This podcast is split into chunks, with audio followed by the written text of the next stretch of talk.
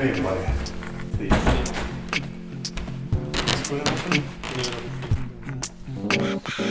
Vaderklap de podcast. Papa, jij bent lief. Recht in je oor. Rust hier in mijn hart. Elke aflevering komt er een papa op de koffie bij Vaderklap. Papa. Papa. Vandaag klappen we met... Steven. Oké, welkom Steven. Eh, fijn dat ik hier op de, de- op de thee mag komen. Het is thee vandaag en geen koffie. En we zitten in Gentbrugge, in jouw woning, jouw loft. En tevens ook uw werkruimte. Je bent een, eh, een man van 47. Je bent papa van twee kinderen, een dochter en een zoon van 9 en 11. Ehm, vroeger woonde jij samen met eh, Naomi, de mama van je kinderen, en waren jullie een klassiek gezin. Nu zijn jullie niet meer samen als, als eh, partners, of toch niet als liefdespartners. Maar je hebt een heel proces doorgemaakt en inmiddels wonen jullie boven elkaar. In het, eh, jij woont het huis boven en zij woont beneden. En jullie kinderen eh, wisselen door de trap op of af te wandelen. Ja, dat klopt. En daarnaast ben je ook eh, oprichter en eh, founding father van eh SOF Center. En SOF staat voor Spirit of Freedom. Jullie proces heeft Naomi beschreven van haar kant in haar boek Scherven en Geluk. Maar dat is echt, echt de kant van, van het harenbril. Dat zegt ze ook duidelijk. Hè? Dat is het stukje haar visie. En wij zijn heel benieuwd naar of jij jouw kant van het verhaal ook eh, wil delen met de wereld. Graag. Ehm, want er is echt nood aan om bepaalde taboes te kunnen doorbreken, om bepaalde zaken te kunnen gaan uitspreken, omdat er nog mensen in zo'n situatie zitten en mensen zich daarin gaan herkennen. Ik ga, ik ik mijn hele proces even kort toelichten, zodanig dat, eh, dat het ook duidelijk wordt waar, in welke situatie dat we zitten. Want ik zit hier nu in die zetel, maar ik ben eigenlijk niet zomaar hier beland. En al die omstandigheden dat mij overkomen zijn, hebben me naar hier toe geleid. Hoe is het eigenlijk bij ons gebeurd? In 2014 ehm, was ik eigenlijk eh, begonnen met het spiritueel deel van Softcenter. En ehm, daarin was er iemand in de organisatie eh, dat mee in ons, in ons team zat, eh, waar, waar ik eigenlijk gewoon een vriendschappelijke band mee had. Eh, daarnaast had ik dan mijn gezin met Naomi. We waren ook nog samenwonend, eh, samen met onze kindjes. En op een bepaald moment in 2016, ehm, ik zat eigenlijk heel diep op dat moment. eh, ik had chronische Lyme en ik had ook eh, ja, zo'n hevige vorm van psoriasis, van die huidplekken. Maar ik had eigenlijk maar een tweetal uur per dag energie. Ehm, en de rest van de dag lag ik gewoon in de zetel. En wij vertrokken in, juli op, eh, in juni op naar Canada met een groep mensen. En ik heb lang getwijfeld om mee te gaan, omdat ik voelde van fysiek gaat dat niet haalbaar zijn. Maar toch, iets in mij zei van, je moet gaan, je moet gaan. Dus ik heb dat gedaan. Ehm, samen dan met mijn collega waren we daar in Canada. En daar is er eigenlijk iets, iets magisch gebeurd. Eh, in eerste instantie, op een bepaald moment zaten wij s middags op een terrasje te eten. En van het moment dat ik in haar ogen keek, zag ik ineens de oneindigheid. Ik wist wie dat er voor mij zat. Ik wist dat we elkaar al kenden van vorige levens, enzovoort, enzovoort. En dat was heel ehm, ingrijpend. Dat was ook een, een eindeloos gevoel dat ik had, ehm, met een, een diepe vorm van liefde. Van vooral onvoorwaardelijke liefde. En die herkenning, die, die herkenning via de hoge, heeft eigenlijk een fysiek proces bij mij in, in, in gang gezet. Want ineens kwam er een volledige kundalini-opstoot in gans mijn lichaam vrij. En die heeft eigenlijk drie weken aan één stuk geduurd. Dus ik heb die twee weken dat we daar in Canada waren, echt op een, op een roze wolk gezeten met heel veel kracht, terwijl ik eigenlijk maar twee uur per dag energie had. Oké, gigantisch verschil met, met daarvoor, met eh, papa Steven, die dan thuis op de zetel ligt en veel slaapt. Ja. Kan je even uitleggen wat dat Kundalini-energie is?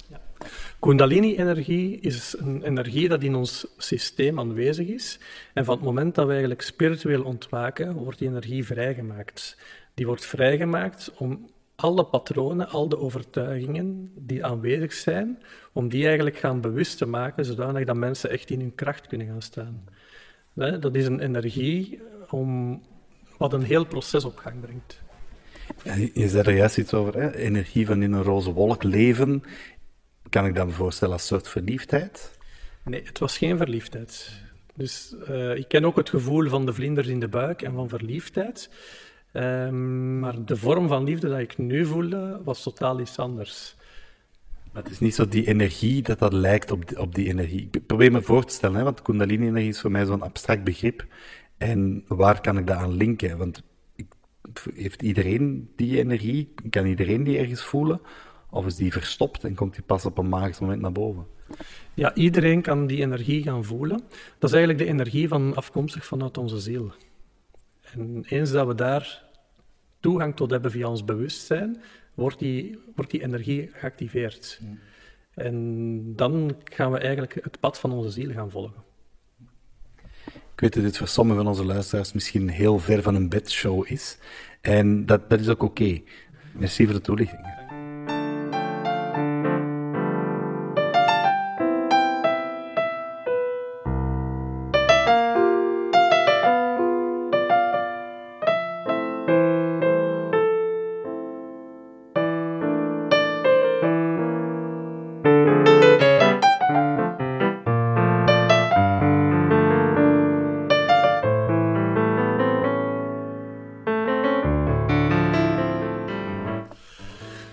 Dan, wat er toen gebeurde, was eigenlijk ook een stuk fysiek magisch. Um, want die kwam terug thuis van, van, van Canada.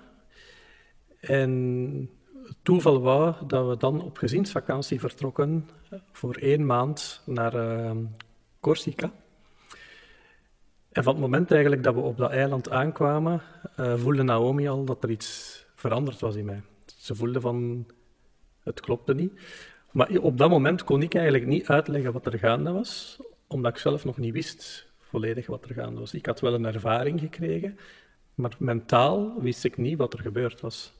Ik wist wel dat er in mijn gevoel naar Naomi toe van alles veranderd was. Er is geen bedrog geweest. Ik heb eigenlijk Naomi nooit fysiek bedrogen met die anderen.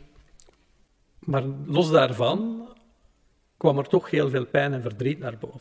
En door daar eigenlijk een veilige context, een veilige ruimte voor te creëren, merkten we ook dat, daar, dat we in een sneller proces van transformatie terechtkwamen. Uh, uiteindelijk heb ik dat ook aan haar allemaal uitgelegd, waar dat eigenlijk haar wereld ingestort was. Want het het toekomstbeeld dat we eigenlijk samen hadden, was eigenlijk volledig ja, weg. Omdat we alle twee voelden van, oké, um, dat heeft een serieuze impact op onze relatie.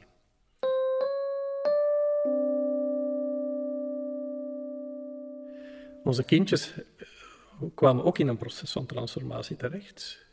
Um, en dat hebben we er ook kunnen laten zijn. Dus voor ons was het heel belangrijk dat die emotionele communicatie er altijd mocht zijn.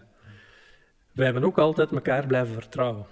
Ondanks wat er ook gebeurd was, we konden op elkaar rekenen en we konden op elkaar vertrouwen.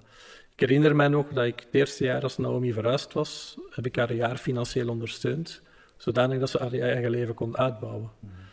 Het is pas in een later stadium dat we dan boven elkaar gaan wonen zijn, wat dan weer al een rust bij de kindjes bracht en ook juist aanvoelde.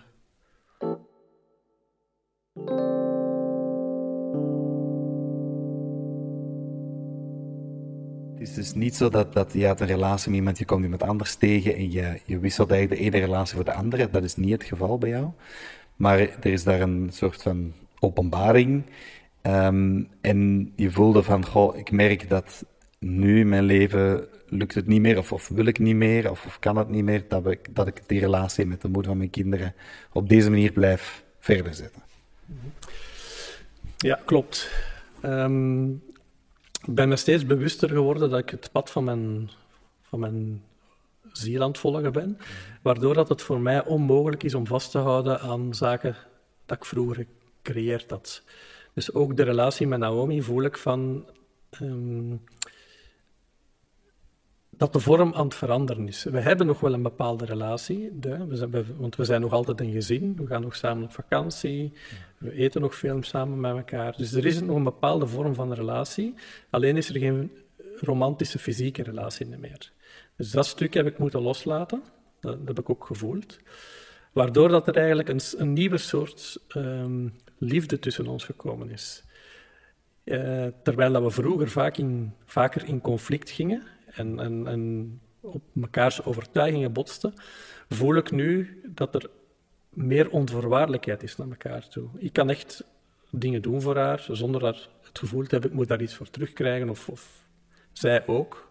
Dus die onvoorwaardelijkheid tussen ons is eigenlijk daardoor gaan groeien.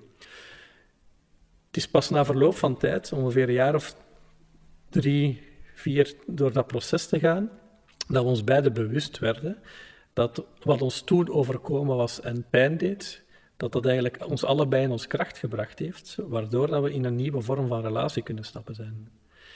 En we beseffen allebei vandaag dat we meer terug zouden willen naar de oude vorm op dit moment. Omdat dat niet meer zou kloppen bij wie dat we zijn. Ja. En ook bij wat we verlangen en bij wat we voelen. En dat is het mooie eraan. Op het moment van, van de pijnlijke breuk, zal ik maar zeggen, hadden we geen enkel toekomstperspectief. En hadden we ook geen enkel idee hoe dat onze relatie zou vorm krijgen. En het is door, door je eigen pijn te gaan en in, de, eigen kracht te komen staan, dat de nieuwe vorm zich kan ontvouwen. Dat is precies waarom dat ik dit heel, jullie verhaal heel inspirerend vind. Omdat het verder gaat dan de klassieke scheiding die we kennen, waarbij er toch vaak nog een, ja, een pijn en een, een, het grote mislukken, het grote falen in het leven gezien wordt, uh, waar ik dat zelf niet zo dat gevoel heb.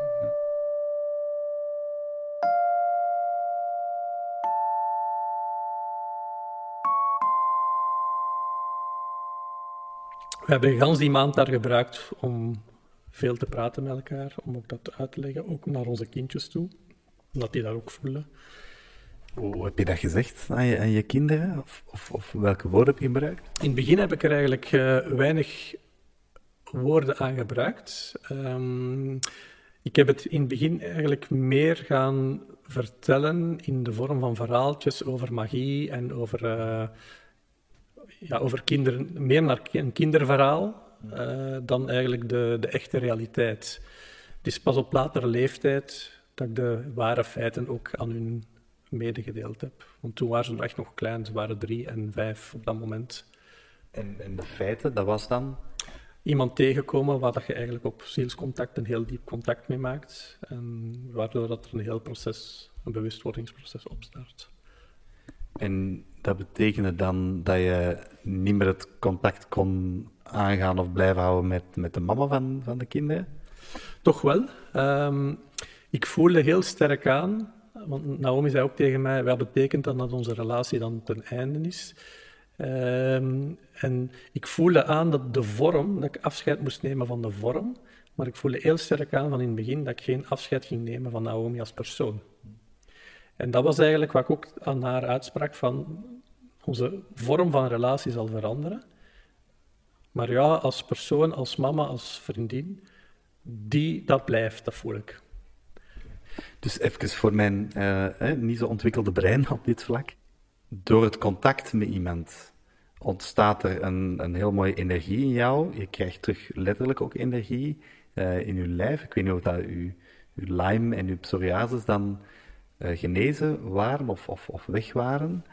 Um, ja, klopt. Uh, terwijl ik in juli nog op mijn dieptepunt zat, mm. um, was drie maanden later was alles volledig uit mijn lichaam verdwenen. Dus mijn chronische Lyme was weg, mijn psoriasis was weg, terwijl dat de, de dokters mij ook medegedeeld hebben, uh, met, met beide gaat geleren moeten leven. Dus dat is wel magie, hè? Dus dat is, voor mij, dat is voor mij echt magie gebeurd. Ik, ik zie het nog altijd voor mij. De, ik had plekken van psoriasis op mijn benen, op mijn armen, in mijn gezicht. En de plekken waar dat iedere keer heviger terugkwam, die begonnen gewoon te ontsteken. Dat kwam een soort van uit eruit. En een week later was alles weg. Ook bij mijn chronische lijm. Ik voelde me dan omdat ik drie weken op die energie geleefd had, was ik ook nog goed. Ik kwam thuis, uh, ik heb me terug laten onderzoeken, omdat ik voelde van ik voel me beter. Dus ze hebben terug bloedtesten genomen en omdat ze Lyme kunnen traceren via de Borealis-bacterie. En ze vonden die bacterie niet meer in mijn bloed. Dus tegen oktober, november was eigenlijk alles fysiek volledig opgelost van waar ik toen al vier jaar of vijf jaar mee aan het, aan het klagen was. Tegenover mij zit nu een uh, knappe, energieke man met een gave huid. Ja, ongelooflijk. Ja. En dat zijn allemaal ervaringen dat er uh, gebeurd zijn in mijn leven waar ik op dat moment geen enkele verklaring voor had. Mm. Uh, dus was het eigenlijk heel moeilijk om in mijn gezin antwoorden te gaan geven. Ook al vroegen mijn kinderen antwoorden, ook al vroeg Naomi veel antwoorden, ik kon op dat moment geen antwoord geven, omdat ik zelfs niet wist wat er gaande was. Het is pas later uh, dat eigenlijk al de inzichten en het bewustzijn gekomen is, waardoor ik weet en wist wat er gaande is, uh, waardoor ik weet welk proces dat erop zat. Uh, het was pas eigenlijk einde van het jaar dat ik wist dat het over een tweelingzielproces ging. Um, zodanig dat het... En dan pas kwamen eigenlijk antwoorden wat ik ook aan de personen in mijn naaste omgeving kon gaan geven. En, en die antwoorden, hoe, hoe zagen die er dan uit? In eerste instantie heb ik veel over mijn ervaringen gedeeld, van wat ik meegemaakt had. En uh, ja, ik merkte dat als ik daarover communiceerde met Naomi, dat dat bij haar ook wel het een en het ander losmaakte. Um, zij is dan ook in een proces gekomen, waardoor dat er ook heel veel emotie vrij kwam en heel veel, soms boosheid, maar ook verdriet. En op een of andere manier, of op een of andere vorm, hebben we eigenlijk een manier gevonden waar dat we voor ons beiden de veiligheid konden inbouwen, dat alle emoties er mochten zijn. En dat was een hele belangrijke stap in dat proces geweest.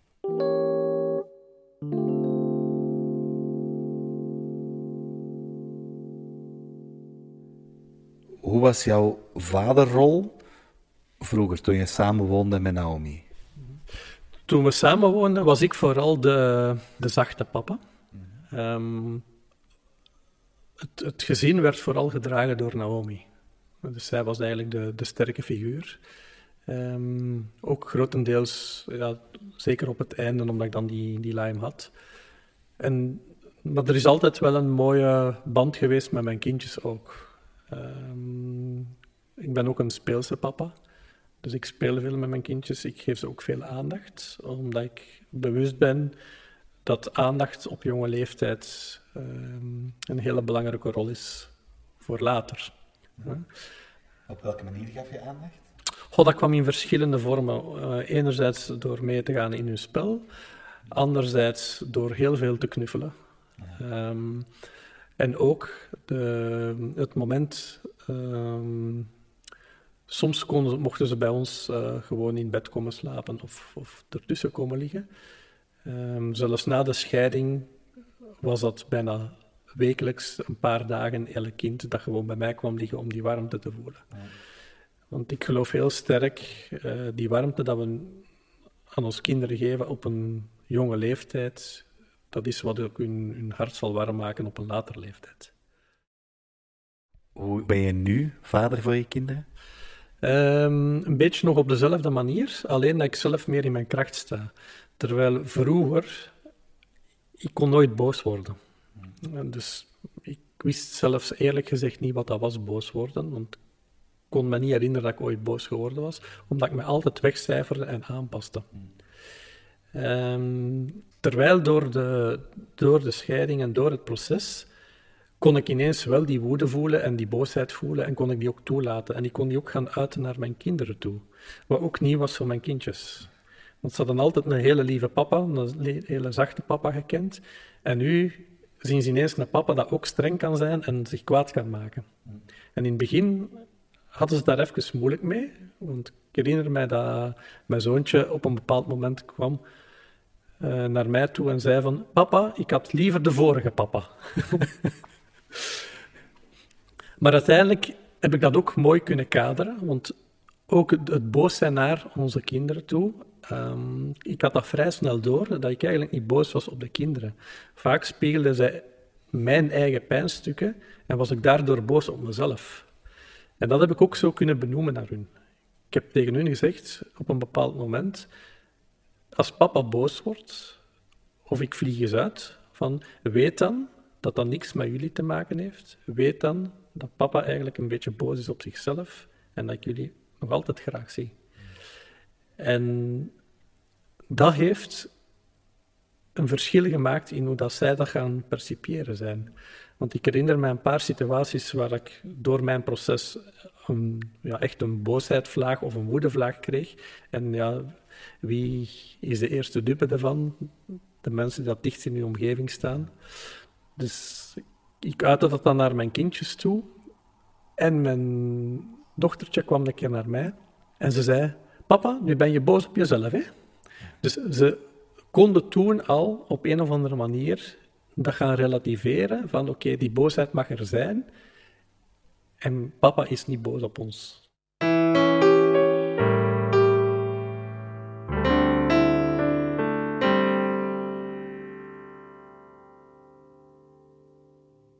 als je nu, nu ben je halftijds alleenstaande vader, mag ik dat zo zeggen? Hoe is het ja. dan nu om, om, dat gezin te runnen? Ehm, ik zou het niet echt halftijds noemen. Het, is, het komt er eigenlijk wel op neer dat het halftijds is. Maar we hebben niet zo'n vaste regeling in die zin van uh, week, week. Uh, wij proberen wel zoveel mogelijk half week, half week te doen. Dat bijvoorbeeld woensdag van woensdag tot zaterdag of zondag zijn dan de kindjes bij mij. En dan uh, de andere tijd bij de mama. Maar het gaat meer om verantwoordelijkheid. Mm. Dus de tijd dat ze zogezegd bij mij zijn, ben, ben ik eigenlijk verantwoordelijk voor hun, voor hun ja, te voorzien dat ze eten hebben, voor te zien dat ze naar de sportactiviteiten gaan, dat ze naar school gaan. Omdat de kinderen zelf vrij zijn, doordat we boven elkaar wonen in twee loften, zijn ze eigenlijk vrij om te bewegen. Voor hun is dat eigenlijk één groot huis. Hebben ze zin om mama te zien, dan gaan ze naar beneden. Hebben ze zin om papa te zien, dan komen ze naar boven. Voor ouders, voor ons, wij weten dan wel wie dat verantwoordelijk is. Ook in geval van een conflict weten wij van de, de ouder dat verantwoordelijk is, gaat eigenlijk met hun de confrontatie aan om het conflict op te lossen. Dus de andere ouder houdt zich dan afzijdig. Ja, ja. Praktisch gezien ehm, hebben we daar een mooie weg in gevonden. Het gezin op zich heeft wel een mooie vorm gekregen. In die zin van, bij, bij ons beiden is er ruimte om een andere partner aan te trekken, om een andere romantische relatie aan te gaan, zonder dat dat eigenlijk het gezin ten koste komt. En dat is heel, heel belangrijk voor mij, want van nature uit ben ik een familieman. Dus dat is, dat is heel belangrijk dat die waarde eigenlijk bewaard bleef. Uh, waardoor dat we elkaar ook nog regelmatig zien, waardoor dat we twee, drie keer per jaar samen op vakantie gaan of weekendjes doen. Um, waardoor dat we cinemaavonden doen, al dan niet met alle partners samen. ja. Als je dan hè, de, de verantwoordelijkheid voor de kinderen even niet hebt en je bent hier alleen en de kinderen komen dan onverwacht binnen, hoe, hoe is het dan als je dan je focus hebt op je werk of, of je aandacht hebt bij, een partner dan? Um, de kindjes weten dat ze vrij binnen en buiten mogen lopen.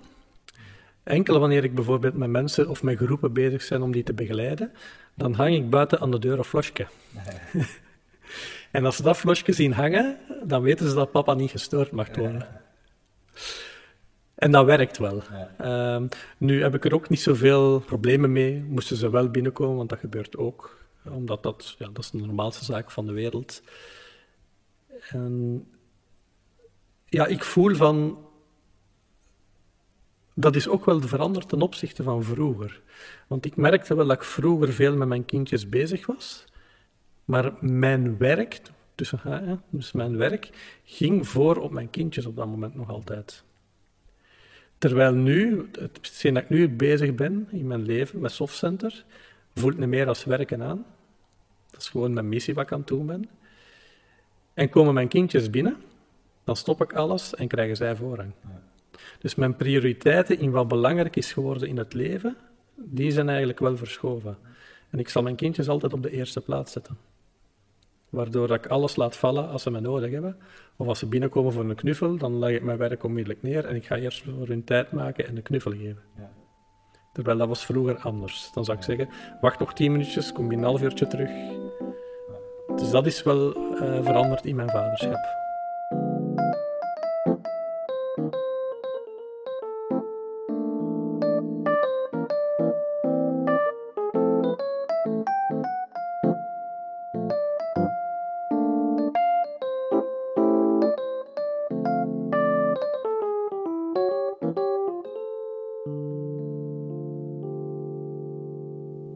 Het stukje waar je vertelt over dat, dat boos worden als vader en hoe je dat uitlegt, dat vind ik heel inspirerend voor mezelf ook als vader, om dat zo concreet te maken, om dat zo helder naar hen te verwoorden en ook op, een manier dat de kinderen dat kunnen snappen. Um, dat vind ik een mooie, dat neem ik mee als, als, als tip. Heb jij misschien nog andere adviezen voor, voor vaders die in een scheiding zitten, welke vorm dan ook?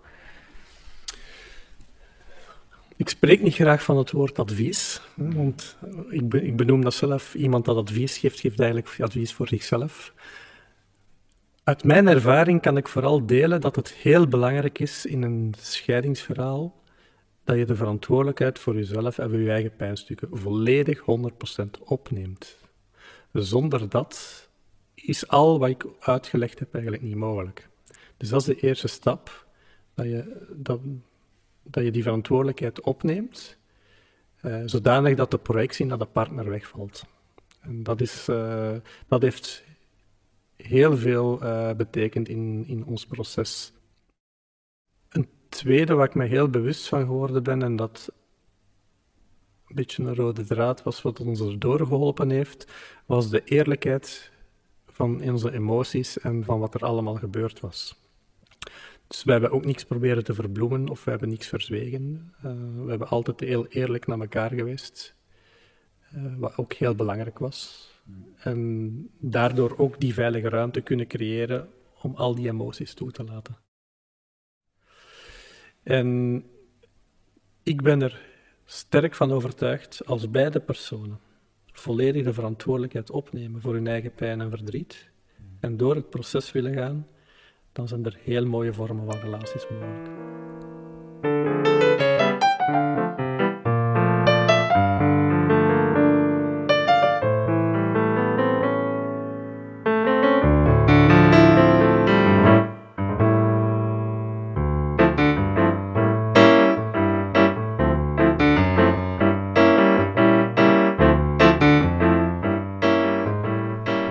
Ehm, kan me voorstellen dat de mensen uh, nog nooit verantwoordelijkheid hebben opgenomen of het heel moeilijk vinden om, om niet te projecteren of dat helemaal niet gewend zijn of niet kennen.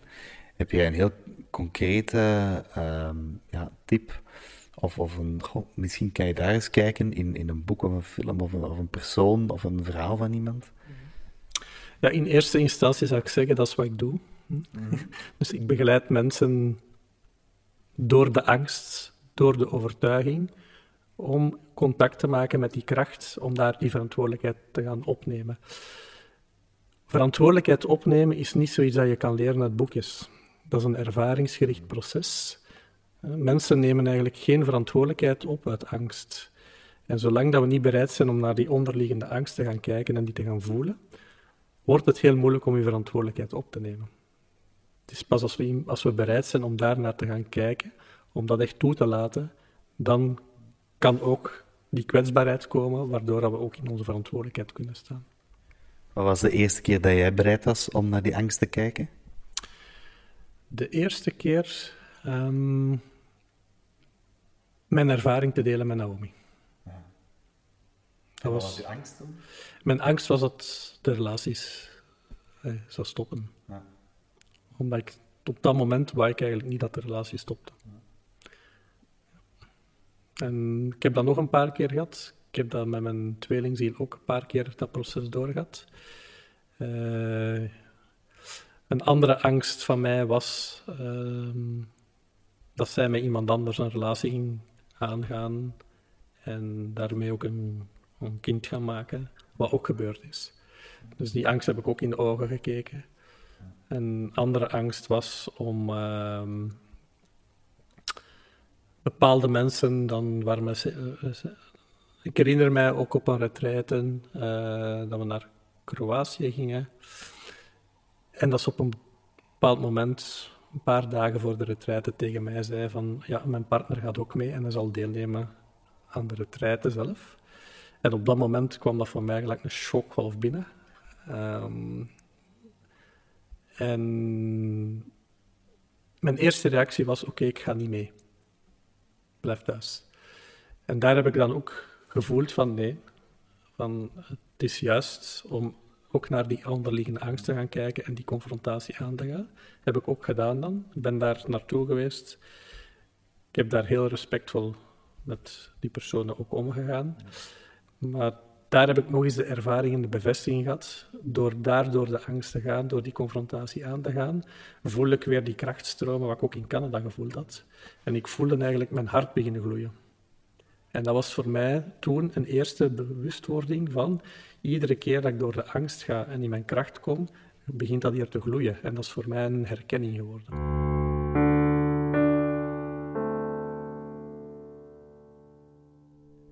voor een beginner door angst gaan? De eerste stap is uh, het willen toelaten. Zolang, zolang dat mensen in de weerstand blijven, is het moeilijk om die angst te gaan toelaten. Dus dat is, dat is mentaal iets, dat je zegt, oké, ik voel hier angst, ik heb schrik daarvoor. En dat dan ja zeggen. Ja. ja. het is eigenlijk een bewuste keuze maken. Een bewuste keuze maken tegen jezelf en tegen jezelf zeggen, ja, ik ga mij die ruimte geven om eens naar mezelf te kijken en te voelen wat er allemaal loskomt. Want onze angst, dat zit dat zit eh, in ons hoofd. Mhm. dus het is eigenlijk ons, ons hoofd dat die angsten projecteert. En onder die angsten zitten vaak energetische blokkades in ons systeem. En het is dat wat vrijkomt, dat mensen dan gaan voelen. Dus dat is, dat is, dat is een hele belangrijke. Um... Vraagt heel veel moed, denk ik. Ik denk dat je heel veel moed hebt getoond de afgelopen jaren. Het vraagt heel veel moed, al had ik ook wel het gevoel dat ik geen keuze had. En dat is waarom dat ik ook vaak zeg van ehm, in onze procesbegeleiding, mensen worden bewust of groeien op, vanuit twee verschillende invalshoeken. Of ze maken een bewuste keuze en ze gaan de verantwoordelijkheid opnemen en ze gaan er naar kijken. Of ze wachten tot de pijn groot genoeg wordt en dat leven u verplicht om daarnaar te kijken. En dat zijn de twee mogelijkheden dat we hebben. Um, ik heb ze alle twee ervaren en ik kan uit ervaring zeggen dat een bewuste keuze nog altijd prettiger voelt dan wachten tot de pijn groot genoeg wordt.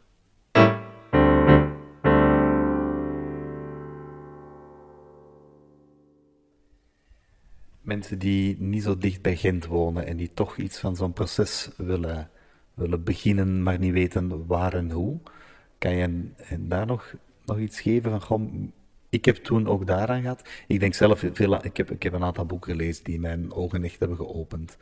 Is er zoiets waar je kan zeggen, dat heeft mij ook wel uh, wat inzicht gegeven? Zeker en vast. Um, het, het, bewustwordingsproces is vaak een mentaal proces. Dus, dus daar, zijn, daar zijn hele goede boeken voor. Nu, namen ontsnappen mij van boeken dat ik 10, 15 jaar geleden gelezen heb. Uh, maar ga vooral, volgt vooral op je gevoel. Ga niet te veel in op adviezen van mensen en laat je ook niet overtuigen om iets te doen. Als je ergens toe aangetrokken wordt, volg dat gevoel. Als je ergens weerstand tegen voelt, volg dat gevoel. En het gaat op je vanzelf op je pad komen dan. Um, ik weet, mijn allereerste boek dat ik ooit gelezen heb rond bewustwording was van, uh, noemt die stand-up comedian weer al, een vrouw. Uh, ja, de naam ontsnapt mij. Engelstalig? Nederlandstalig? Nederlandstalig. Uit Nederland? Nee, uit België. Zo met krullen, blonde krullen. Uh, allee. Ze niet gaan vinden. Ze niet gaan vinden. Ik wandel na het interview naar huis en ik passeer een volkstuintje waar zo'n uh, een geefkast staat. Um, op een of andere manier gaat mijn aandacht er naartoe en loop ik er naartoe. En terwijl ik er naartoe loop, denk ik van, ik moet geen boek hebben. Dat zijn allemaal tweedehands boeken. Dat, dat zijn mens, mensen die geven boeken weg die ze niet meer willen. Maar toch loop ik er naartoe, doe het kastje open en ik zie een boek staan van Els de Schepper. hey, toevallig een Vlaamse comedienne met krulhaar. En het boek heet Het heeft zin.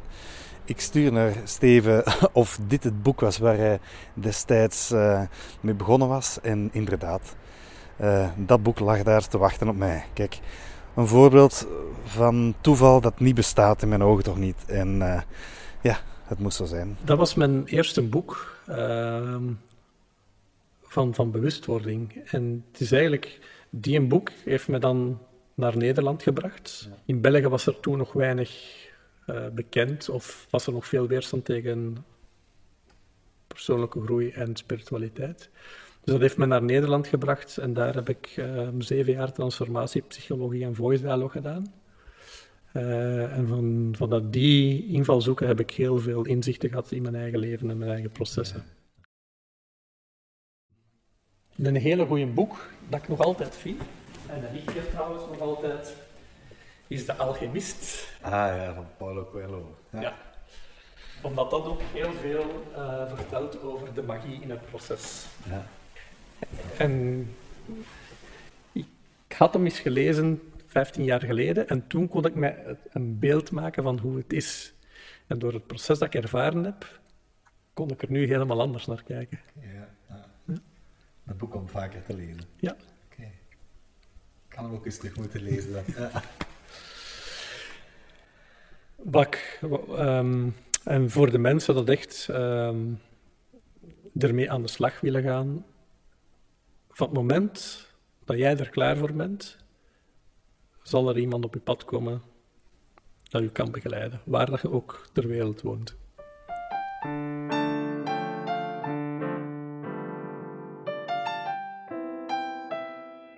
Papa. Papa. Persoonlijke ontwikkeling wordt ook nog in onze konterijen vaak vanuit ons egosysteem gedaan. En dat is niet goed of dat is niet slecht. Uh, maar weet dat persoonlijke ontwikkeling vanuit het egosysteem bijdraagt aan de bewustwording, maar niet aan het bewustzijn. En dat is een hele belangrijke om bewust van te zijn. En te worden. En te worden. En dat is ook gaan voelen wat jij op dat moment nodig hebt. Voelt je dat je kennis en bewustwording nodig hebt, dan kun je naar opleidingen, workshops, eh, festivals, eender wat gaan. En dat gaat u heel veel bijbrengen. Voelt je dat je genoeg bagage hebt en dat het tijd is om in een ervaringsproces te gaan, dan is het eigenlijk energiewerk, vooral energie- en lichaamswerk, dat u die ervaring gaat brengen. En bewustzijn is kennis plus ervaring. Dus je hebt de bewustwordingsfase nodig en dan heb je de ervaring nodig om het bewust waarvan dat we bewust worden zijn, om dat in het bewustzijn te integreren. En eens dat het in bewustzijn geïntegreerd is, wordt dat omgezet in kracht. En dat is eigenlijk gaan leren voelen van wat jij op dat moment nodig hebt.